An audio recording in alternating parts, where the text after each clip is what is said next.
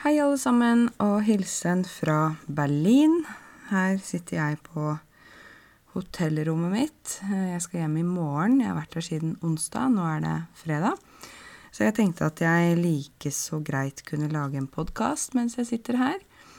Eh, det er jo regn her i Berlin, og jeg kjenner ikke byen så veldig, og det er kveld, så jeg har ikke så veldig stort behov for å gå ut i gatene alene. Um, når det er sagt, så lurer du kanskje på hvorfor jeg er i Berlin. Hvorfor akkurat Berlin, og hvorfor nå? Um, det er rett og slett fordi jeg i to dager har vært med på en uh, stor konferanse for online uh, education, altså utdanning på nett, eller forskjellig når man tenker på læring på nett. Um, det er jo det jeg driver med. Så det var en konferanse som jeg meldte meg på for lenge siden. Og så var jeg jo veldig spent på om den kom til å gjennomføres. Å være spent på noe, det betyr at man er litt usikker på noe, eller man eh, litt sånn gleder seg, er litt uh, i tvil. Ikke sant? Jeg kan være spent på et møte med en person som jeg f.eks. ikke kjenner så godt. Jeg kan være spent på um, en dag som det er noe som skal skje, ikke sant. Sånne ting. Så jeg var litt spent på om jeg kom til å få lov til å komme hit. og det fikk jeg. Um, veldig glad for det. Det er jo en konferanse som heter Online Educa Berlin, og den har uh, foregått siden jeg tror det var 1995. Eh, det er ganske fascinerende, egentlig, at den har pågått så lenge, fordi eh, jeg tenker 1995, altså da er vi tilbake 26 år. Online Educa Berlin. Online. Ja, det var vel kanskje litt da man begynte med liksom mer å ha datamaskin og sånne ting, da. Eh, men jeg tror før så var det mer basert på med sånn bruk av teknologi, da. Nå er det jo noe helt annet. Ikke sant? Det, det handler om eh, læring, eh, hvordan vi eh, benytter teknologi i læring, hvordan teknologien kan hjelpe oss til å lære, hva vi må være påpasselige med når vi snakker om eh, teknologi. Å være påpasselig betyr å Rett og slett, det er jo et sammensatt eh, ord, da. Det betyr å passe på, ikke sant. Å være påpasselig. Man må passe på, man må tenke litt på hva man gjør og sånn. Jeg er f.eks. påpasselig med solkrem når det er sommer, slik at jeg ikke blir solbrent. Jeg er påpasselig med å skru av ovnen etter jeg har lagd mat. Så det betyr at jeg passer på. Um, så man må jo også være påpasselig når det gjelder sånn datateknologi, det vi kaller for big data, altså på en måte informasjonen som er der ute, ikke sant, i det store nettet eh, som er over hele verden. Um, jeg syns det er veldig fint å gå på sånne konferanser fordi jeg elsker jo det som er internasjonalt, det vet dere. Um, hvis jeg bare skal sitte i Norge uh, Selvfølgelig korona og alt det der, men sånn til vanlig, da, nå snakker jeg om det vanlige livet hvis jeg bare skal sitte i Norge og ikke reise, ikke få det internasjonale perspektivet, så blir jeg litt sånn frustrert. jeg tenker ikke bare nasjonalt, jeg tenker internasjonalt. Jeg liker det internasjonale. Jeg liker dere. Jeg liker kulturer. Jeg liker forskjellige land, tenkemåter. Uh? Det er jo derfor jeg jobber også med det jeg gjør. Um, jeg hadde jo en drøm om å jobbe på et eller annet plan, og jobbe internasjonalt. Jeg husker da jeg var mye yngre, så drev jeg og så på sånn plan uh, for å kunne søke seg inn i FN, altså United Nations, uh, og Unicef og alle disse her programmene som man kan ta del i. Men det er jo veldig vanskelig å få plass og få lov til å være med i sånne programmer. Eh, f.eks. FN, da. Så sjansen for å få plass i FN er litt liten. Um, men jeg visste jo ikke da at den jobben som lærer faktisk også kunne være veldig internasjonal. For jeg hadde tenkt at når man jobber som lærer, så jobber man jo på skole og i klasse, og ja, kanskje man drar på klassetur, ikke sant, kanskje man har en vennskapsklasse i et annet land, ikke sant, som barna i klassene skriver brev til hverandre eller e-post og sånne ting. Men jeg tenkte ikke at jeg kom til å jobbe med mennesker fra hele verden, og særlig ikke som norsklærer. Så jeg føler meg jo veldig heldig, eh, og særlig det at jeg faktisk eh, har kontakt med dere, med folk fra hele verden, hver eneste dag. Det er jeg veldig takknemlig for. Jeg synes det er veldig berikende. At noe er berikende, betyr at det gjør livet ditt mer interessant, uh, finere, mer spennende. Ikke sant? Du kan si at du har hatt en berikende opplevelse. Eksempel du var på en teaterforestilling som var helt fantastisk. Da var den berikende for deg. Og for meg så er det berikende å kjenne dere. Å kjenne så mange mennesker fra så mange land er veldig For meg, det er som en drøm. um, og jeg Når jeg får være på en sånn internasjonal um, konferanse som dette her, da, der det også er mennesker fra hele verden, uh, så er det veldig Da er jeg virkelig i mitt rette element.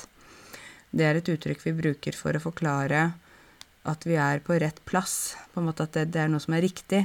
Eksempel en fisk. Når en fisk er i vannet, så er det fiskens rette element, ikke sant? Fordi elementet er vann, og fisken hører hjemme der. Hvis du tar fisken opp av vannet, så er ikke fisken i sitt rette element, eller absolutt ikke. Da dør fisken. men vi trenger ikke snakke om liv og død, men vi kan også snakke om hvor man trives, da. Så jeg trives veldig godt i et internasjonalt miljø. Da er jeg i mitt rette element, og da er elementet det internasjonale miljøet, ikke sant? Så um, jeg er jo her alene. Lærerne mine er ikke med meg her, for eh, lærerne mine de bor jo forskjellige steder i både Norge og i utlandet.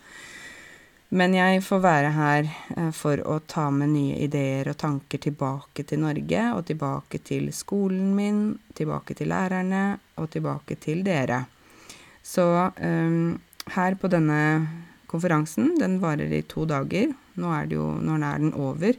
Men jeg kom på onsdag kveld til Berlin. Uh, og så Nå er det jo blitt det derre uh, ekstra virusvarianten Hva heter den, da? Omikron? Om, jeg husker ikke helt. det. jeg har ikke studert det så nøye, men uh, jeg tenkte jo oi, kanskje det nå ikke, jeg ikke får reise. Men det gikk bra. Jeg hadde jo på munnbind og alt dette her og reiste ned. Men her i Tyskland eh, Nå er jeg i Berlin, men jeg tror i hele Tyskland så er det mye strengere når det gjelder munnbind inne. Så er du inne i hvilken som helst bygning, om det er et kjøpesenter, en togstasjon, hotell, hva som helst, så er det munnbind på. Men jeg tenker det er jo en, på en måte Det er jo greit at de er så tydelige. Det å være tydelig er bra. Det betyr ikke at man er streng eller sint, men man bare er sånn er, sånn er det. Og jeg syns jo mange tyskere er veldig sånn at de, måte, de, er veldig tydelige. Ting er sånn eller sånn eller sånn. Det, det, er jo veldig ryddig, da. Og jeg liker det. Jeg liker når ting er ryddig, og når man på en måte vet hva man kan forvente seg, da. Det passer veldig godt for meg. Jeg vet jo mange nordmenn liker Tyskland veldig godt fordi at de føler seg hjemme her. Og de syns at uh, tyskere er veldig uh, hyggelige, ordentlige folk. Um, det høres kanskje rart ut, det å være ordentlige folk, men det liksom betyr at man er ærlig. Det å være ordentlig, da, betyr å være ærlig, um, snill, uh, hjelpsom, um, holder avtaler. I hvert fall for oss, da, sånn som er viktig. stiller opp. Ja, sånne ting. Uh, og det føler jeg at uh, tyskere er. Um, det jeg liker veldig godt når jeg har jobba med folk fra Tyskland, ikke sant, i en i sånn jobbsammenheng Det er et ord vi bruker ganske ofte i jobbsammenheng. I jobbsammenheng liker jeg å være sosial. I jobbsammenheng øh, har jeg mange møter. Så da mener man på jobb, da. Um, så i jobbsammenheng er det utrolig greit, syns jeg, å jobbe med tyskere. Uh, og det er rett og slett fordi at de er uh, Altså, de er så effektive. De Hvis jeg sender en e-post, så har jeg svar veldig raskt. Uh, de følger opp. De holder det de lover. og det er bare Jeg syns jo det er helt Jeg syns det er veldig greit å jobbe med mennesker som er sånn, da. Og jeg som jobber i den private sektoren, jeg har jo Når man jobber i det private, så er det ofte veldig sånn raske beslutninger. Altså Det er ikke sånn at man kan dvele på ting veldig lenge. Det å dvele betyr å tenke veldig nøye og vente litt med å bestemme seg. Man dveler, man er litt usikker. Jeg kan ikke være det i, i min jobb. Jeg må på en måte tenke litt fort, ta, ta beslutninger, og så gå videre. Altså, jeg husker jo da jeg jobba i kommunen, så var det jo Syns jeg at ting tok veldig lang tid. Og det er jo litt sånn det er i på en måte den offentlige sektoren, for da, hvis man skal gjøre en endring, ikke sant, så må man på en måte Det må Den endringen kan ikke Man kan ikke bare bestemme nå. Nå gjør vi en endring. Det må gå gjennom flere forskjellige liksom, møter, eh, vurderinger. Flere mennesker skal inn og kanskje bestemme noe. Så det tar tid. Men i det private så kan man bestemme ting raskere. Og jeg er jo litt sånn Jeg er ikke en person som liker å dvele noe sånn veldig mye, så jeg liker å ta beslutninger. Og når jeg jobber med tyskere, så er jo de veldig sånn eh, Selv om de jobber i offentlig sektor også, så er de veldig raske. De er på en måte de kommer med det de skal gjøre, de sier ifra hva som gjelder, de rapporterer, eller de svarer på mail, eller de Ja, er, jeg syns det er utrolig greit å jobbe med folk fra Tyskland. det må jeg bare si. Og det ser vi også her på den um, konferansen jeg var på. Så var det jo sånn at på forhånd så måtte alle printe sin billett um, og printe uh, vaksinesertifikat, eller vise at du har tatt begge vaksinene. Og så måtte man ha en PCR-test, eller en koronatest. Eh, så det tok jeg De hadde sånn eget sted før man fikk komme inn på det hotellet, da. Så måtte man ta den testen på et sånn lite sånn kontor på siden der. Så jeg tok sånn test, den var negativ, og da fikk jeg lov til å slippe inn. Ikke sant? Så jeg måtte ha både vaksinepass og denne negative testen, da. Men det gjorde igjen at alle vi som var inne på konferansen, vi hadde jo testet negativt. Og det gjorde jo at jeg veldig, følte meg veldig trygg, ikke sant. Jeg følte jo ikke at selv om jeg var på en konferanse med 500 mennesker, så følte jeg meg likevel trygg. Og så var det også veldig strengt med avstand og munnbind, så vi gikk med munnbind hele tiden, og det var avstand mellom stolene der vi satt og sånn. Men alle som var der, tror jeg var utrolig glad for å kunne samles igjen. Mm, det var jo ikke noe sånn Denne konferansen har jo vært årlig. Årlig betyr hvert år. Den har vært årlig siden 1995, eh, så det var jo rart at den plutselig ikke skulle være fysisk i Berlin, da. Så mange var glad for å være med. Det pleier visst å være rundt 2500 deltakere på den konferansen, og nå var det 500. så da kan du jo tenke deg hvilke forskjeller det er. Um, jeg hørte på forskjellige foredrag, um, og det var jo veldig fint å få litt påfyll. Det er noe sånn som vi snakker om um, Ikke bare Vi sier jo påfyll på kaffe, ikke sant, hvis du er på kafé. Eller sånn kafeteria, da, kanskje ikke på sånn kafé liksom i byen, men sånn et sted der du har vanlig traktekaffe, sier vi. Sånn, det er sånn filterkaffe.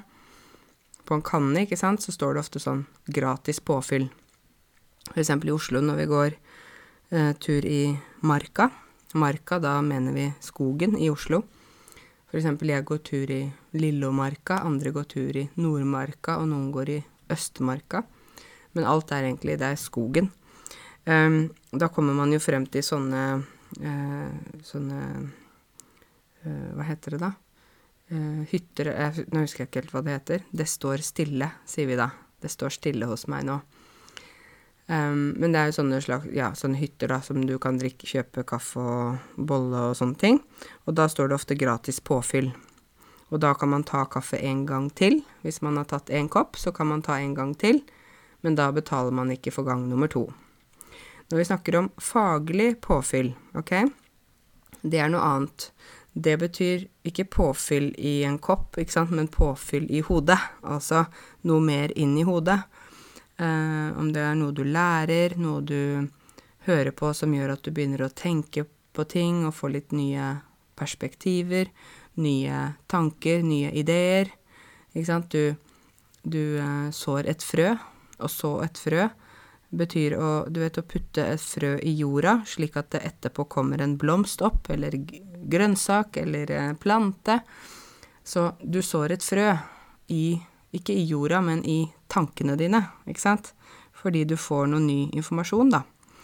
Og jeg syns at det er utrolig ålreit, eller veldig sånn Ja, jeg blir veldig glad når jeg får ny informasjon, når jeg får faglig påfyll. Eh, for, ikke sant, vi er jo hele tiden i endring. Altså, eh, det jeg visste for tre år siden, det er jo noe annet jeg vet i dag. Jeg lærer jo hele tiden. Jeg utvikler meg, jeg vil utvikle meg, ikke sant.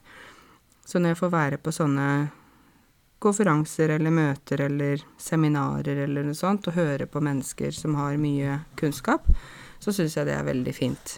Det var jo nå eh, snakk om Mye snakk om eh, eh på en måte sånn motstandsdyktighet. Eh, det å kunne klare å stå i, i ting, og det å kunne klare å ja, det er både at man har motstand mot noe, men man vil ikke gjøre en endring, man vil ikke akseptere en forandring.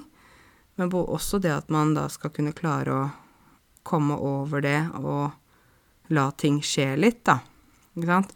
Um, jeg vet jo veldig mye når det gjelder teknologi, så har vi jo gjerne veldig Mange er sånn Nei, åh, jeg orker ikke lære noe nytt. Å nei, det er det ny app, ny telefon, ny data Åh, klarer ikke Forstår ikke hvordan jeg skal sette meg inn i ting, eh, ikke sant. Og så tar man da noen som tenker sånn.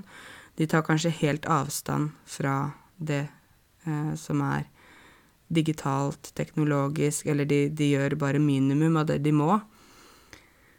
Um, men eh, jeg var på et foredrag av en uh, finsk uh, ung uh, mann.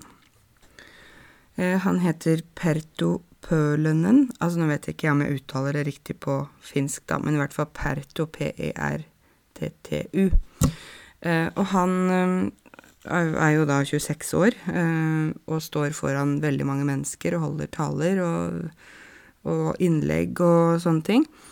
Han er en forfatter, han er en oppfinner. Altså, en oppfinner er en som finner opp nye ting. For eksempel hvem er det som fant opp eh, klokka? Hvem er det som fant opp eh, telefonen, ikke sant? Det er en oppfinner.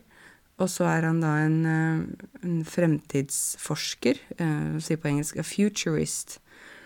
Så har mange tanker om liksom det som kommer videre. Og så har han jo da tatt utdannelsen for dette med teknologi og sånn. Og han snakket mye om ikke sant, Det har vært forskjellige revolusjoner opp gjennom årene. Det begynte jo først med den eh, revolusjonen som handlet om eh, dette med å være bønder, agrikultur, sånne ting. Eh, fra vi gikk fra å være eh, samlere og jegere, ikke sant. Vi jaktet på dyr, vi samlet bær og sopp og sånn, til at vi bosatte oss et sted. Nå snakker jeg mange tusen år tilbake også til at vi bosatte oss et sted og begynte å dyrke jorda, ikke sant, for eksempel korn. Vi hadde dyr, vi bodde med dyra, vi på en måte istedenfor å gå rundt og flytte på oss, så ble vi værende.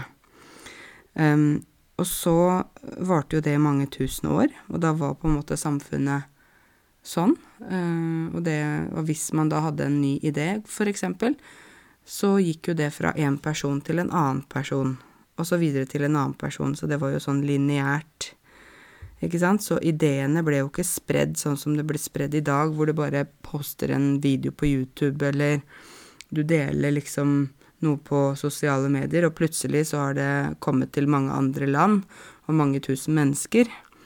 Uh, og da, da, kunne man jo heller ikke på den tiden, da det var ikke sant sånn den type uh, liv, da, hvor du bodde og du hadde liksom Du dyrka jorda, rett og slett, var det du gjorde. Da, da hadde man Man fikk jo ikke så rask utvikling da, fordi det måtte gå fra en munn til en annen munn. Og det måtte reise f.eks. da med hest, eller hva man hadde, da. Det var kanskje det raskeste. Men likevel så Ideene ble jo ikke spredd så fort. Og ideene som folk kom med, da, det ble jo isolert ofte i lokalsamfunn, ikke sant? Så det som folk da tenkte i eksempel Kina, og endringene de gjorde i Kina, kunne være helt forskjellige fra endringene de gjorde i for eksempel Colombia, ikke sant? Så da hadde man jo ikke kontakt med hverandre heller. Og de visste jo kanskje heller ikke at de andre fantes. Men så, eh, for noen hundre år siden, så kom jo da den industrielle revolusjonen. Og da var det jo sånn at på en måte maskinene tok over det manuelle arbeid som menneskene alltid hadde gjort. Uh, man fikk fabrikker. Folk flytta da fra land og inn til byen for å jobbe. Man begynte å produsere ting. Man begynte mer med handel, ikke sant, med mellom land. Uh, eksempel få bomull ikke sant. Uh, tekstilrevolusjonen, der man skulle lage klær, og mange ville ha klær, selvfølgelig, og sånn. Um, og det var jo en egen revolusjon som da Men det var jo bare for noen hundre år siden, da, hvis vi ser på i dag. Så varte det i noen hundre år, og det var industri, og det var fabrikker, og det var veldig fokus på det. Uh, og så kommer man jo da til den tiden vi lever i, som er den dig digitale revolusjonen, ikke sant. Og, da, eh, og den har jo vi levd i nå noen tiår. Ti år er det ti år av gangen. 1980 til 1990. 1990 til 2000, det er tiår. Og så har vi århundrer. Det er eh, liksom 1900 til 2000. Eller 1700 til 1800. 1800 til 1900. Det er århundrer. Og så har vi da årtusener. Det er, ikke sant, år 1000, år 2000, år 3000 osv. Um, så nå er vi inne i den digitale revolusjonen, men revolusjonene som vi har vært igjennom de siste århundrene, da har jo ting gått mye fortere. For først så hadde vi den eh, agrikultur, ikke sant, i mange tusen år. Plutselig kom da industriell revolusjon, og det varte i noen hundre år. Og pang, så kom digital revolusjon. Den er vi i nå. Og da kan man jo tenke seg at hvis revolusjonene kommer raskere og raskere, at det er, eh, ikke er så mye tid mellom hver revolusjon, så har vi jo kanskje vi lever til å se den neste revolusjonen, da. Og da mente han Pertu, som snakka da om dette her, han mente at eh, etter digital revolusjon så kommer det en menneskelig revolusjon. Så tenkte jeg hm, hva mener han med det?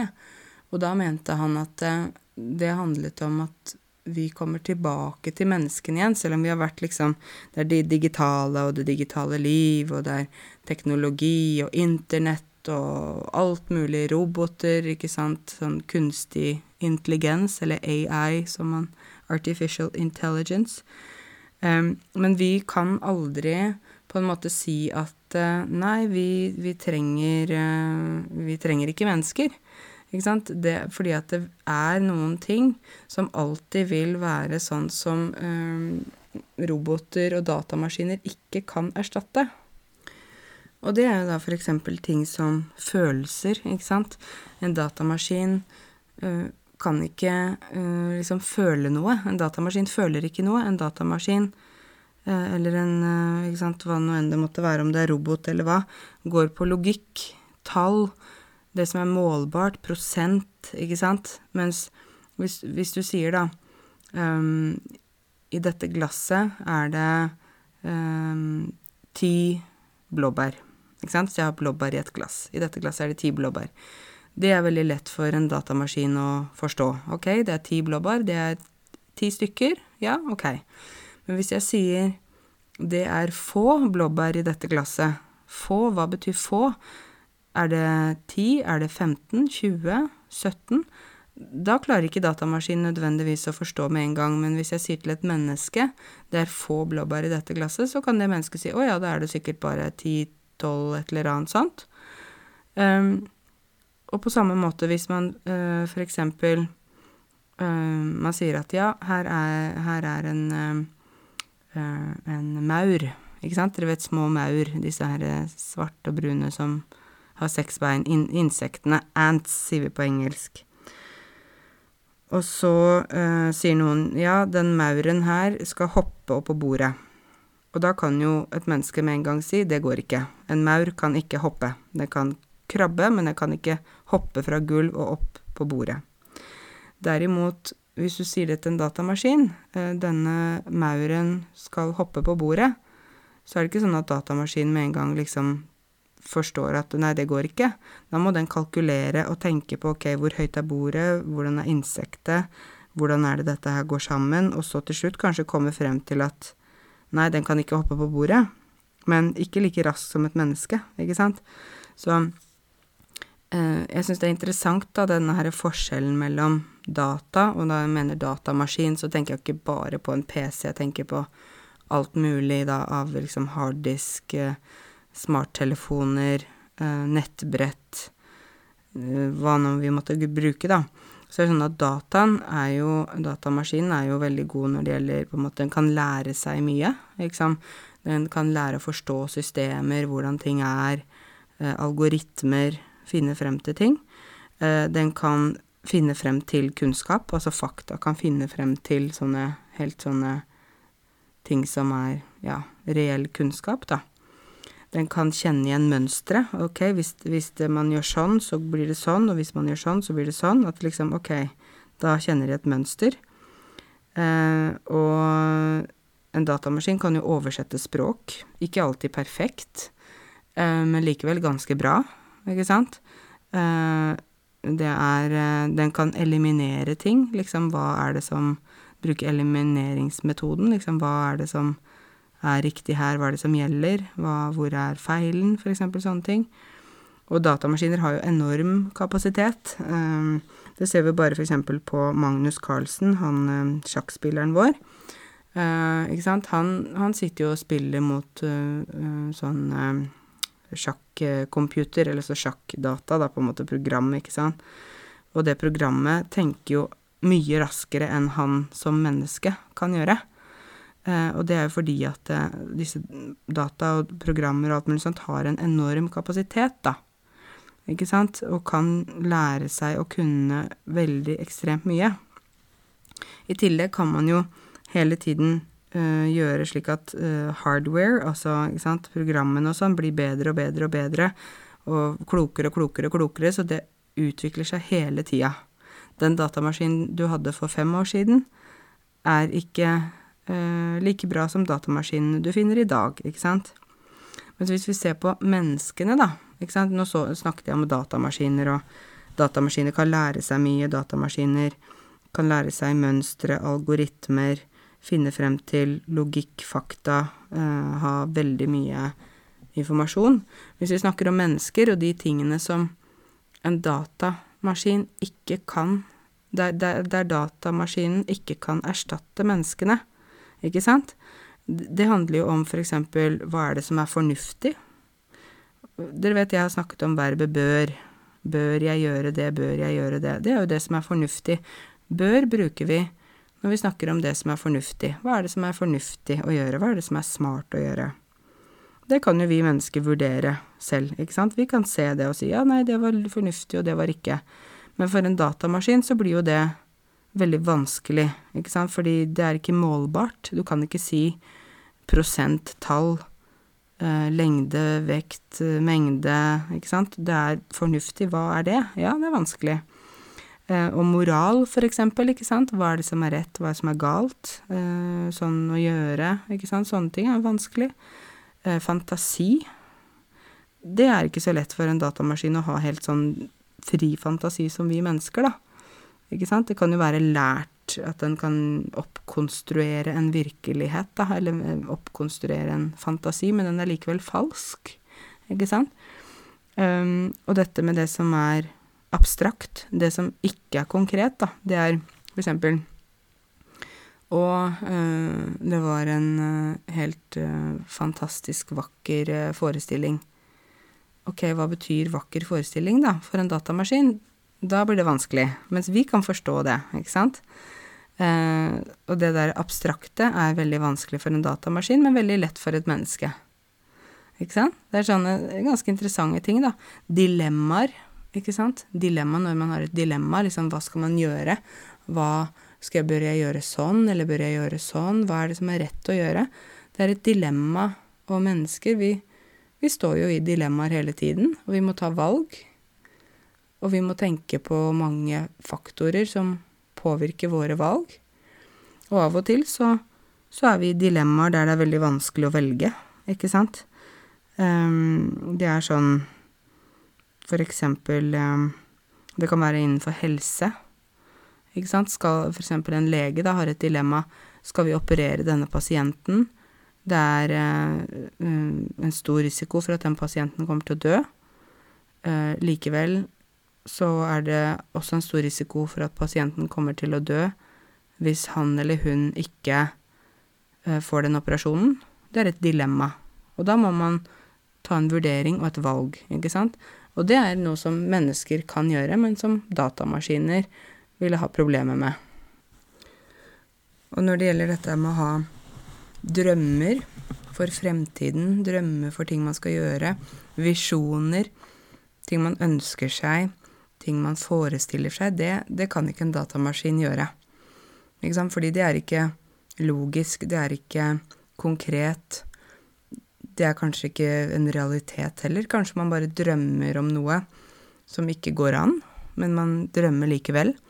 Jeg syns jo det er veldig viktig å ha drømmer og ønsker og mål, da. Ting man har lyst til skal skje, eller ting som man ønsker seg, syns jeg er veldig viktig.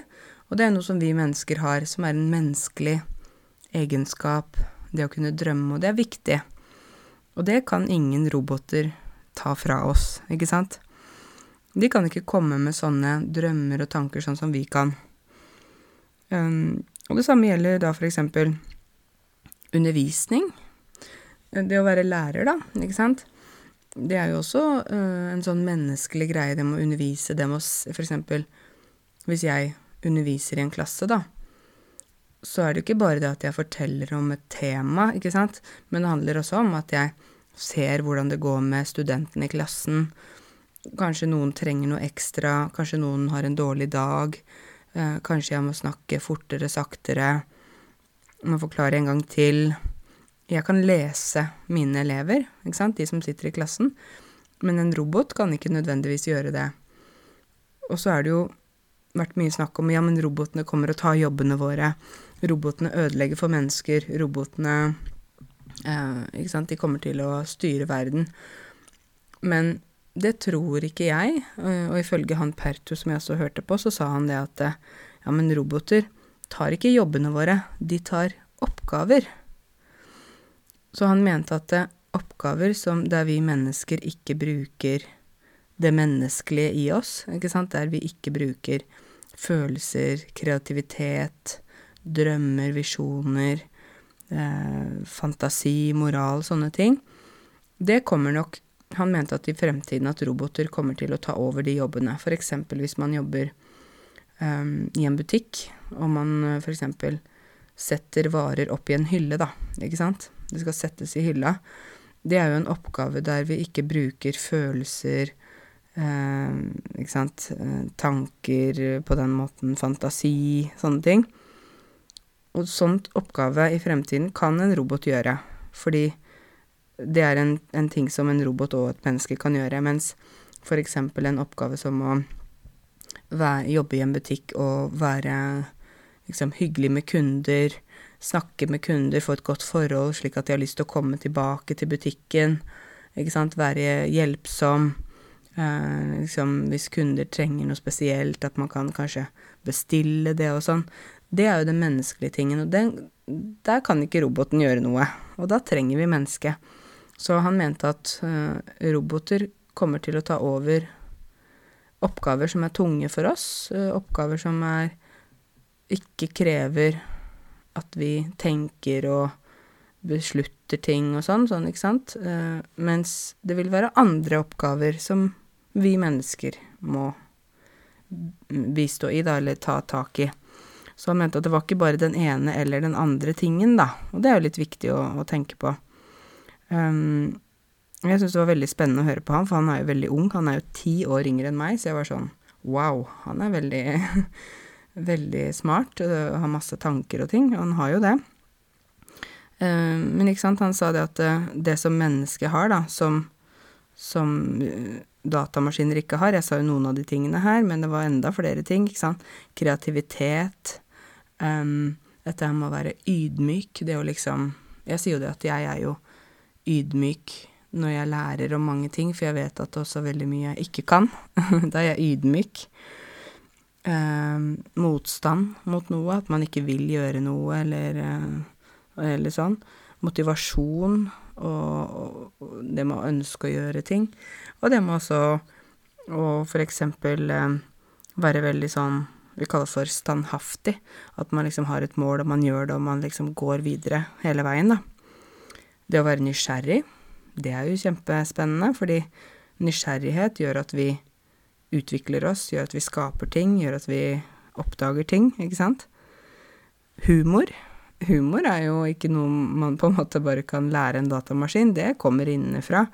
Og det, det, er jo også veldig viktig med humor, og det er gøy, ikke sant, og det, det er jo veldig Det er jo faktisk sånn når det gjelder å lære språk, dere, at humor er, om ikke det aller høyeste, altså et av de veldig vanskeligste eh, aspektene ved et språk. Så for eksempel, jeg kan lære meg fransk, ikke sant, på mange plan, og jeg kan også snakke en del fransk, men det å forstå humoren på fransk, det å forstå hva som er morsomt å si, ikke sant, for eksempel i Frankrike, da, hva er det som er gøy, hvilken humor er det som passer her, det krever veldig mange års erfaring. Det er ikke lett, for en humor har så mange ting inni seg, da. Det er alt fra kulturelle referanser til ting i historien, til noe som har skjedd i nyhetene, noe med noen kjente personer som alle i det landet kjenner til, ikke sant, sånn. Det er så, det er så komplekst. Så humor er veldig komplekst, og det er en menneskelig ting som vi har. Eh, mot, det må være modig, tørre ting, tørre å ta sjanser, ikke sant, ikke måtte hele tiden kalkulere alt, men si ok, greit, vi, prøver. Eh, og dette med å være til å stole på, ikke sant. Eh, kan jeg stole på deg? Kan du stole på meg? Det, det er jo noe vi finner ut av, da. Ikke sant? Stoler dere på meg? Jeg vet ikke. jeg håper det. Det å være entusiastisk for noe. Ja, så spennende! Yes, dette skal vi gjøre! Ikke sant? Dette er en veldig styrke hos mennesker, å vise veldig sånn glede og interesse og sånne ting. Uh, selvdisiplin, ikke sant? Når vi vet at vi må bare jobbe videre og bli ferdig med noe, eller noe så kan vi bare sette på liksom en sånn knapp som heter selvdisiplin, og så jobber vi veldig målretta for å få ting til, da. Empati, det å sette seg inn i hvordan andre har det. Ikke, sant? ikke sympati, ikke synes synd på 'uff, du har det fælt', men å på en måte prøve å forstå hvordan andre har det, da. Det er jo en veldig kompleks greie, det med å prøve å, å, å forstå det. Så å være empatisk det er ikke lett. Det kan vi mennesker være. Eh, ikke alle som er empatiske, da, men eh, noen i hvert fall er jo det. Mange av oss er jo det. Det er eh, ganske komplekst. Lederskap, ikke sant. Noen av oss klarer å lede andre mennesker på en god måte. Det er viktig. Og det er ikke lett heller.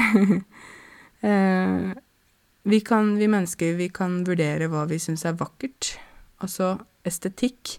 Vi kan si 'Å, det var et veldig vakkert maleri'. Det var en vakker bygning. Vi kan si noe om det som er pent for øyet, da. Og der har vi også forskjellig smak, ikke sant? Noen syns at eksempel abstrakt kunst er veldig vakkert, andre syns ikke det er vakkert. Der er vi jo forskjellige også.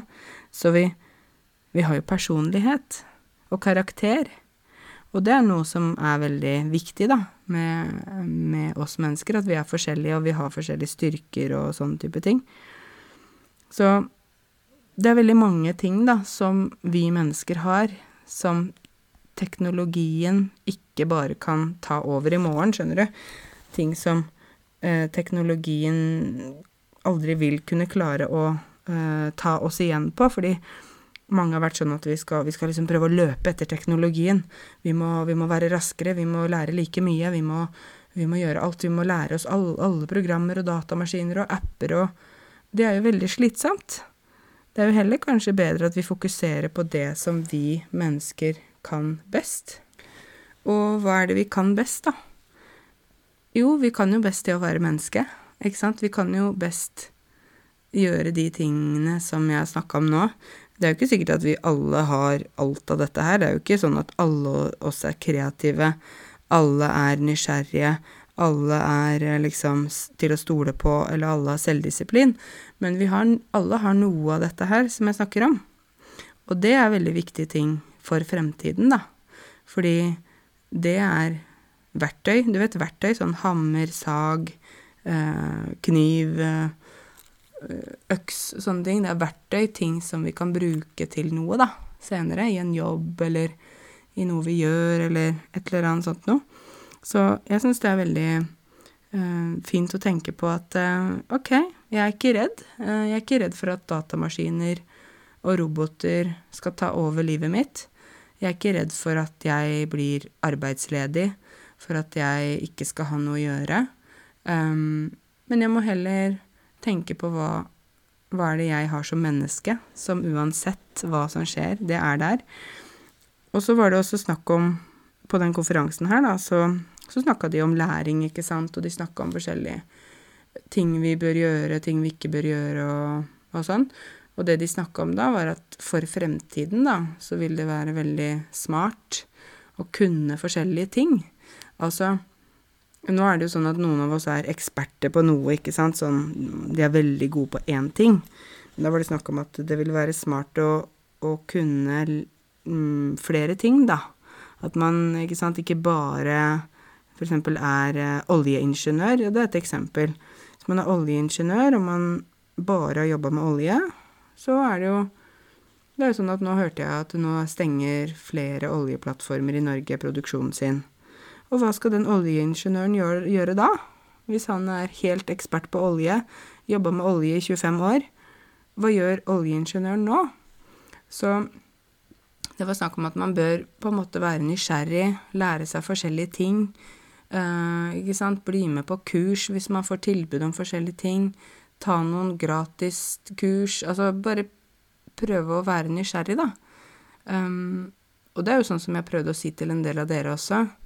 Har du kursbevis på noe? Har du fått et kursbevis på norskkurs, eller kursbevis på ja, førstehjelpskurs på jobben? Eh, eller hva som helst av dokumentasjon på forskjellige ting du kan, så er det veldig viktig å ta vare på det. Her i Norge så er jo Eller ikke her i Norge, nå jeg er i Tyskland. Men i Norge så er det jo uh, sånn at dokumentasjon, papirer, er ekstremt viktige og verdifulle. Jeg vil si det er mer verdifullt med eh, papirer, ikke sant, fra en utdannelse eller eh, en attest fra en jobb du har hatt, eh, sertifi sertifisering av noe slag, det er mye mer uh, verdifullt enn f.eks. gull og diamanter og masse penger. Fordi folk lurer på Når du går på jobbintervju og sånn, så lurer de på hva er det du kan? Hva har du gjort før? hvilken erfaring har du? Um, og jeg har sett at mange som flytter til Norge, kanskje ikke forstår hvor viktig de papirene er. Jeg har sett folk som krøller, og krølle betyr å liksom Hvis du tar et papir, og så tar du papiret inni hånda, skjønner du, da blir det krølla. De krøller liksom eksempel diplomer og sertifikater, krøller og putter i sekken. Og jeg bare står der med åpen munn og er sjokkert. Tenker, du kan ikke krølle det der og putte nedi Du må jo putte det inn i en plastmappe og organisere det. Eh, fordi i Norge så er man interessert i hva, hva kan du? Hva har du gjort før? Hvilken erfaring har du? Eh, hva kan du eh, bringe til bordet? Å bringe noe til bordet, betyr liksom hva, hva Hvis jeg har et bord, du skal legge noe på bordet, hva kommer der på det bordet? Er det, det for eksempel er det dokumentasjon på utdannelsen din? Kurs du har tatt som vi trenger i vår bedrift, ikke sant? Hva er det du kan bringe til bordet? Så um, Den siste tingen jeg vil bare snakke om, som jeg også lærte litt om i dag, som også jeg var veldig spennende, det var dette her med generasjoner og læring. Alder og læring. Um, nå, nå, hører jo dere at jeg er veldig interessert i læring, da, så jeg håper det går greit. Vi er jo lærer, så jeg bør jo være interessert og nysgjerrig i dette med læring. Men da var det en, også en ung jente fra, var fra Polen opprinnelig, og hun snakka om uh, dette her med generasjoner uh, i et moderne uh, arbeidsmiljø, da. Altså hvordan er det generasjonene liker å lære? Og da snakket hun om fire forskjellige generasjoner. Det var babyboomerne, altså de som ble født da etter krigen, etter eh, 1945. Dette var jo nå basert på Europa, da, så man må jo se litt hvor man er. Men det var liksom de eh, babyboomerne, altså de som er nå uh, mellom Ja, de kan jo være mellom 60 opp mot 70, 75, kanskje 80 og sånn. De Det har jo skjedd ting i løpet av deres liv, i samfunnet, i verden, som har formet dem, altså som har påvirket dem, ikke sant. Et eksempel kan være den kalde krigen. Det kan være når vi landa på månen, første månelandingen, eller for eksempel når det var sånn flower power, hippie movement, altså på 70-tallet. Det har jo formet dem og hvordan de er i dag. Det er noen ting, men det er mange ting som former oss, da. Eh, og så er det jo Generation X, altså de som var da eh, født mellom 1965 til 1981. De er nå mellom 40 og 50 50, hva blir det, 56 år, noe sånt. Um, og de er jo for eksempel de som i hvert fall kommer fra europaområdet, da, de er jo formet av eh, når Sovjetunionen falt, Berlinmuren, her jeg er i Berlin, og Berlinmuren falt, eh, når aids og hiv ble oppdaga, eh, når datamaskinen ble oppdaga, når første datamaskin ble funnet opp. Så de er liksom formet av det. Det er ting som har skjedd i den generasjonen, da, som er viktig. Og så er det min generasjon, uh, the millennials, altså de som er født liksom ja, i mellom 1982, jeg er født i 1985, til 1995. Det er generasjon Y. Um, og det er da Vi er f.eks. For formet av 11. september, altså 9-11 i New York. Uh, og, og, forskjellige ting som har å gjøre med mm, ja, bevegelser som handler om mangfold, f.eks. Uh, ikke sant, som protester og sånn, alt mulig som handler om alt fra kvinner og menn til eh, farge, hudfarge, sånne type ting. Og internett. Så vi har jo Men jeg tilhører jo fortsatt en gruppe som ikke har eh, vokst opp med internett. Jeg hadde ikke internett da jeg var barn. Ikke sant? Så jeg husker tiden da jeg ikke hadde internett også. Ikke sant? Da vi ikke hadde det. Vi hadde sånn vanlig TV hjemme. Og vi husket telefonnumrene til hverandre. Vi var mye ute og lekte. Uh, vi så på TV klokka seks. Um, fra seks til sju, da var det barne-TV, og ellers så så vi ikke på TV. vi hørte på radio. Vi hadde kassettspillere, uh, og så videre, ikke sant. Noen av mange av dere vet hvem, hvem dere er når dere hører dette her. Og så har vi da generasjon Z, altså de som er født etter 1995. de som er nå, ikke sant, 26 og, og under 26 år, de er jo formet av teknologi, de er formet av sosiale medier, klimakrisen og alt det der. Så det er forskjellige ting som disse generasjonene er formet av, da. Og så er det da hvordan lærer vi best? Og hvordan kan en arbeidsplass med folk fra forskjellige generasjoner fungere sammen? Hvordan kan man gjøre sånn at de kan fungere og utvikle seg og lære å jobbe på best mulig måte. Fordi Se for deg en situasjon da der det er en direktør da, som er eldre, ikke sant. Han, han er kanskje ja, direktøren i firmaet. Og han har styrt det firmaet i mange år. Han sitter på toppen, han er eh, direktør. Han bestemmer ting, han er liksom sjefen. Og så kommer det et nytt program eh, som alle de ansatte skal bruke. Det kan være en app, det kan være regnskapsprogram, jeg vet ikke hva. De får ny webside, innlogging, alt dette her. Og plutselig så blir det da den yngste i firmaet, ikke sant, som er veldig god på datateknologi, bruker sosiale medier og alt dette mye. Plutselig blir rollene snudd om. Plutselig er det den sjefen som sitter på toppen, som trenger hjelp fra den, den som er helt nyansatt og ung og Ikke sant? Og da er det jo veldig sånn balanse, da. Hvordan skal den unge hjelpe den sjefen som da er eldre, slik at um, sjefen får hjelp, men ikke føler seg forlegen.